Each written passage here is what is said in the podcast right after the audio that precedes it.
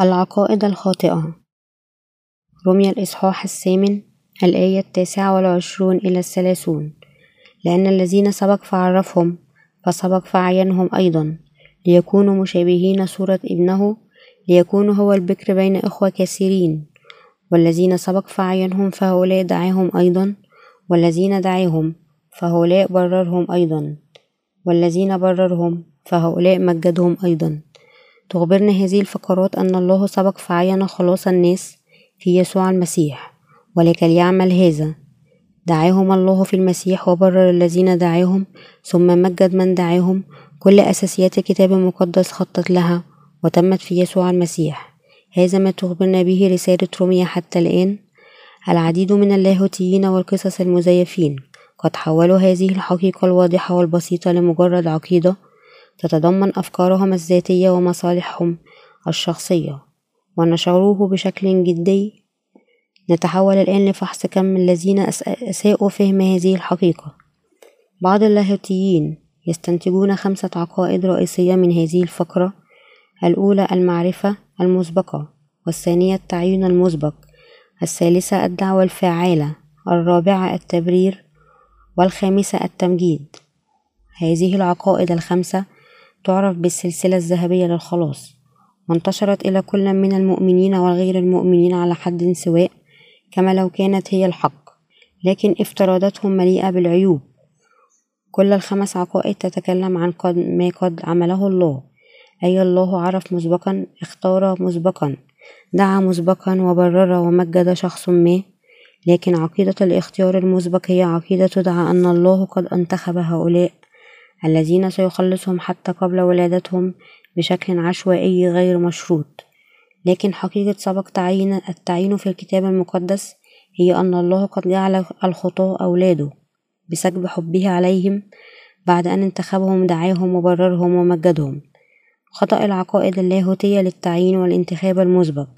في علم اللاهوت المسيحي يمكن أن نجد العقائد الخمسة العظمى للكالفينية التي بشر بها جون كالفين بينهم عقيدة سبق التعيين وعقيدة الانتخاب في المناقشة التالية. سأشير إلى الأخطاء الكتابية لهذه العقائد وأشهد لإنجيل الماء والروح. نشأت عقيدة الانتخاب على يد لاهوتي سمي جون كالفين بالطبع. تكلم الله عن الانتخاب في يسوع المسيح قبل زمان كالفين بوقت طويل. لكن عقيدتي في الانتخاب تسببت في تشويش وارتباك الآخرين والكثيرين. هذه العقيدة المزيفة تحد حب الله وتوصف بأنها تمييزية وغير عادلة. بشكل أساسي ليس هناك موانع ولا حدود لحب الله. لهذا فإن عقيدة التعيين المسبق التي تفرض مثل هذه القيود على حب الله لا يمكن إلا أن تكون خاطئة. إلا أن الواقع أن العديد من المؤمنين بيسوع اليوم قبلوا هذه العقيدة كشيء طبيعي وقدري.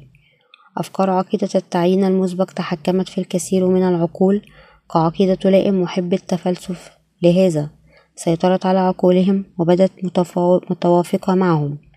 تلك العقيدة تدعى بأنه حتى قبل الخلق سبق الله فعين واختار البعض بشكل غير مشروط بينما أهمل مسبقا آخرين. لو كانت تلك العقيدة حق لكان تلك الأرواح التي لم يقع عليها الاختيار حجة للاحتجاج ضد الله ويصبح الله إله غير عادل وظالم. بسبب هذه العقائد دخلت مسيحية اليوم في شباك التشويش والارتباك. نتيجة لذلك يعاني الكثير من المسيحيين ويتساءلون هل وقع علي الاختيار؟ إذا كان الله قد رفضني قبل الخلق فما فائدة الإيمان بيسوع؟ وينتهي بهم الحال منحصرين أكثر حول ما إذا كان شملهم الاختيار أم لا. لهذا أحدثت عقيدة الاختيار المسبق مزيدا من التشويش فيما بين المؤمنين بيسوع وذلك لأنهم يركزون اهتمامهم حول موضوع الاختيار بدلا من التركيز حول الإنجيل الحقيقي للماء والروح المعطى من الله. هذه العقيدة حولت حقيقة المسيحية لمجرد دين آخر في العالم لكن حان الوقت الآن لكي نطرح هذه العقيدة الخاطئة خارج المسيحية ونستبدلها بالإنجيل الذي يشهد لبر الله وبهذا يجب أن تفحص بنفسك ما إذا كانت عقيدة الاختيار المسبق صحيحة أم لا. وتنجو من كل أثامك بالمعرفة والإيمان بإنجيل الماء والروح. أولئك الذين اختيروا حقا من قبل الله هم أولئك الذين يعرفون ويؤمنون ببره. التعيين والاختيار المسبق الذي تحدث عنه الحق. أفسس الإصحاح الأول الآية الثالثة إلى الخامسة تقول تبارك الله أبو ربنا يسوع المسيح الذي باركنا بكل بركة روحية في الأماكن السماوية. كما كان قد اختارنا فيه قبل تأسيس العالم لنكون قديسين بلا لوم أمامه. السبق فعينا في المحبة ليتخذنا أبناء له بيسوع المسيح. وذلك موافق للقصد الذي سرت به مشيئته الاختيار الذي تحدث عنه في هذه الفقرة هو اختيار فيه المسيح قبل تأسيس العالم. أفسس الإصحاح الأول الآية الرابعة. تخبرنا أيضا أن يسوع المسيح لم نعمة الخلاص من الخطية. بهذه الفقرة يمكننا أن نثبت ما هو الخطأ بالضبط. في عقيدة التعيين المسبق إن الخطأ, الأساسي في هذه العقيدة هو أنه يتحيز ضد معايير انتخاب الله هي أن أساس خلاصك أم لا. لا يعتمد على كلمة الله لكنه يعتمد على قراره الاعتباطي والغير مشروط. إذا كان إيماننا يستند على منطق التعيين والاختيار المسبق فكيف يمكن أن نؤمن بيسوع؟ في مثل هذه الحالة من القلق والتوتر والارتباك الكالفينية تبشر بعقيدة زائفة تحول الله العادل لإله غير عادل وظالم. السبب الذي جعل كالفين يخطئ مثل هذا الخطأ هو أنه أخرج شرط في يسوع المسيح من سبق تعيين الله والخطأ كان خطيرا وكافي لتشويش وتضليل الكثيرين. لكن الكتاب المقدس يخبرنا بوضوح اختارنا فيه ابنه يسوع المسيح أفسس الإصحاح الأول الآية الرابعة. لو أن الله يزعم الكالفينيون اختار البعض بشكل غير مشروط لكي يكون إلههم بينما استثنى آخرين بدون أي سبب. ماذا يمكن أن يكون أكثر سخافة من هذا؟ كالفين حول الله إلى إله غير عادل في فكر العديد من الناس.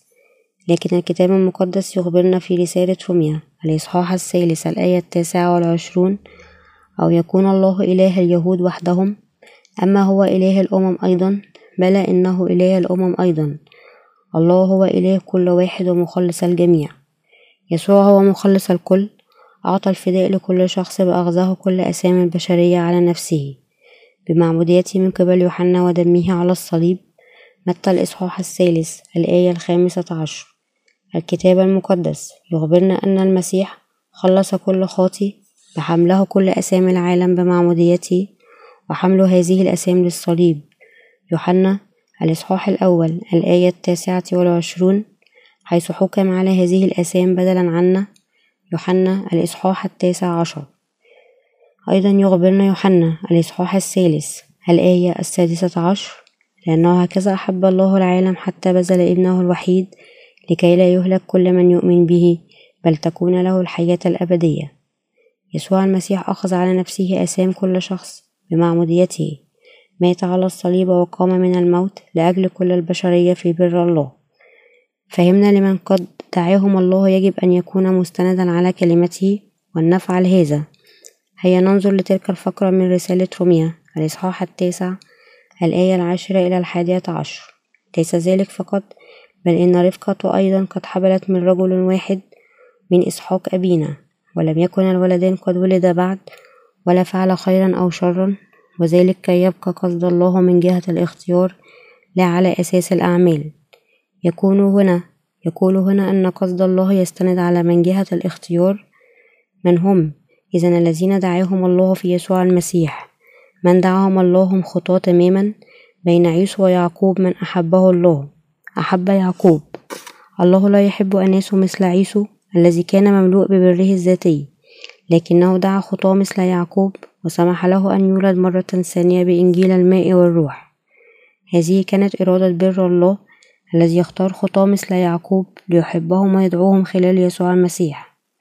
لأن آدم كان أب لنا جميعا كان لابد لنسله أن يولدوا خطاة في المزمور الحادي والخمسون يقول داود أنه حمل به في الخطية منذ كان في رحم أمه لأن الناس يولدون كخطاة يرتكبون الخطايا رغما عنا طوال حياتهم يواصلون حمل ثمار الخطية لآخرها مرقس الإصحاح السابع الآية الحادية والعشرون إلى السابعة والعشرون. يخبرنا أنه كما أن أشجار التفاح تحمل تفاحا وأشجار الكمثرى تحمل كمثرى فالبشر مقيدون بالعيش في الخطية طوال حياتهم لأنهم مولودون في الخطية. لابد أنك اختبرت من قبل ارتباك الخطية ارتكاب الخطية ضد إرادتك.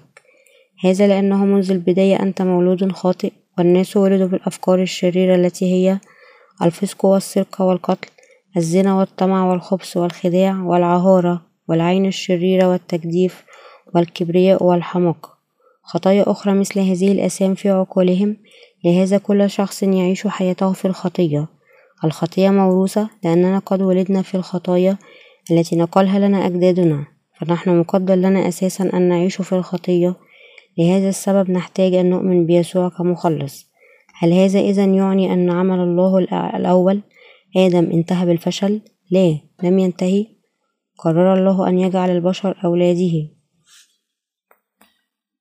لذا سمح للإنسان الأول أن يسقط في الخطية. سمح أن نكون خطاب الفطرة ليخلصنا وجعلنا أولاده بمعمودية يسوع ودمه. لذا يجب أن نعرف بأننا ولدنا كخطاة بدون استثناء. على أي حال قرر الله أن يرسل يسوع المسيح للأرض قبل الخلق؟ عارفا أن البشرية ستصبح ستصبح خاطئة. ثم وضع على يسوع كل آثام العالم من خلال معمودية يسوع اللي استلمها من يوحنا وجعله يموت على الصليب. بمعنى آخر قرر أن يمنح أي واحد ببركة الفداء من الخطية. نعمة أن نصبح من أولاد الله. هذه هي خطة الله وقصده لخلق البشرية. بعض الناس لربما يسألون في سوء فهمهم. انظر ليعقوب وعيسو. ألم يختر الله واحد وترك الآخر؟ لكن الله لم يختار بشكل اعتباطي غير مشروط أولئك الذين أصروا على أن يخلصوا خارج يسوع المسيح. بل اختار بوضوح أن يجعل كل الأشخاص أولاده من خلال يسوع المسيح. عندما نفكر في العهد القديم نحن لربما نأخذ انطباع أن الله تحيز لجانب واحد. لكن بالمقارنة بالعهد الجديد يمكن أن نرى بشكل واضح أنه اختار أناس مثل يعقوب ليخلص الخطاب يسوع المسيح. يجب أن يكون عندنا فهم واضح ونؤمن بمن دعاه الله بكلمته كمثال يعيسو ويعقوب من قد دعاه الله وأحبه. لم يدع سوى يعقوب رجل مليء بالعيوب والخداع وغير بار ليحب ويخلصه في بر الله. أنت أيضا يجب أن تؤمن بهذا الحق أن الله الآب دعاك خلال يسوع في بره. ويجب أن تؤمن أيضا بحقيقة إنجيل الماء والروح في يسوع المسيح هو بر الله الذاتي. لماذا إذا اختار الله أناس مثل يعقوب؟ اختار الله يعقوب لأنه كان يمثل كل الإنسانية الغير برة. دعوة يعقوب من قبل الله كانت دعوة بحسب مشيئته. دعوة طبقا لكلمة الله أننا قد اخترنا في يسوع المسيح. هذه الدعوة أيضا متسقة مع كلمة الله أن قصد الله من جهة الاختيار لا على أساس الأعمال بل على أساس دعوة منه طريقة خلاص الخطاب يسوع كانت للتتميم الكامل لبر الله بحبه. هذا كان ناموس الخلاص الموضوع ببر الله للخطاة دعا الله أناس مثل يعقوب. ليس فيهم بر ذاتي على الإطلاق. هؤلاء الذين استجابوا لدعوته خلال يسوع المسيح ليكسوهم ببره. هل الله دعا أولئك المملوئين بالبر الذاتي؟ ومن يظهرون أنهم رائعون؟ هل دعا أولئك الذين عندهم بر ذاتي؟ الذين كانوا مملوئين بالعيوب. أولئك الذين دعاهم الله كانوا أناسا مثل يعقوب. دعا الله الخطاة وخلص المقيدين للجحيم بسبب أساميهم وأنت يجب أن تدرك أنه منذ لحظة ولادتك وأنت أيضا خاطئا. عوزه مجد الله وبذلك كنت مقيدا للجحيم. بمعنى آخر تحتاج أن تعرف حقيقة نفسك. دعا الله كل الخطاة بيسوع وخلصهم ببره. شعب الله هم أولئك الذين تبرروا بالإيمان ببره. الله سبق فعين أن يدعو كل الخطاة ويفديهم في يسوع. وقد أنجز ما قد سبق فعينه هذا هو سبق التعيين والاختيار الحقيقي في يسوع المسيح الذي تكلم عنه الله. لكي تفهم الاختيار الحقيقي لله يجب أن تفهم أولا خلفية حقيقة الاختيار كم وصفت في العهد القديم. خلفية اختيار الله من خلال العهد القديم يخبرنا تكوين الإصحاح الخامس والعشرون. الآية الحادية والعشرون إلى السادسة والعشرون. عن قصة يعقوب وعيسو بينما ما زالوا في رحم أمهم رفقة. ومن بين الاثنين اختار الله يعقوب. استند, استند كالفين في عقيدته حول الاختيار على هذه الفقرة. لكننا سنكتشف أن فهمه يخالف إرادة الله.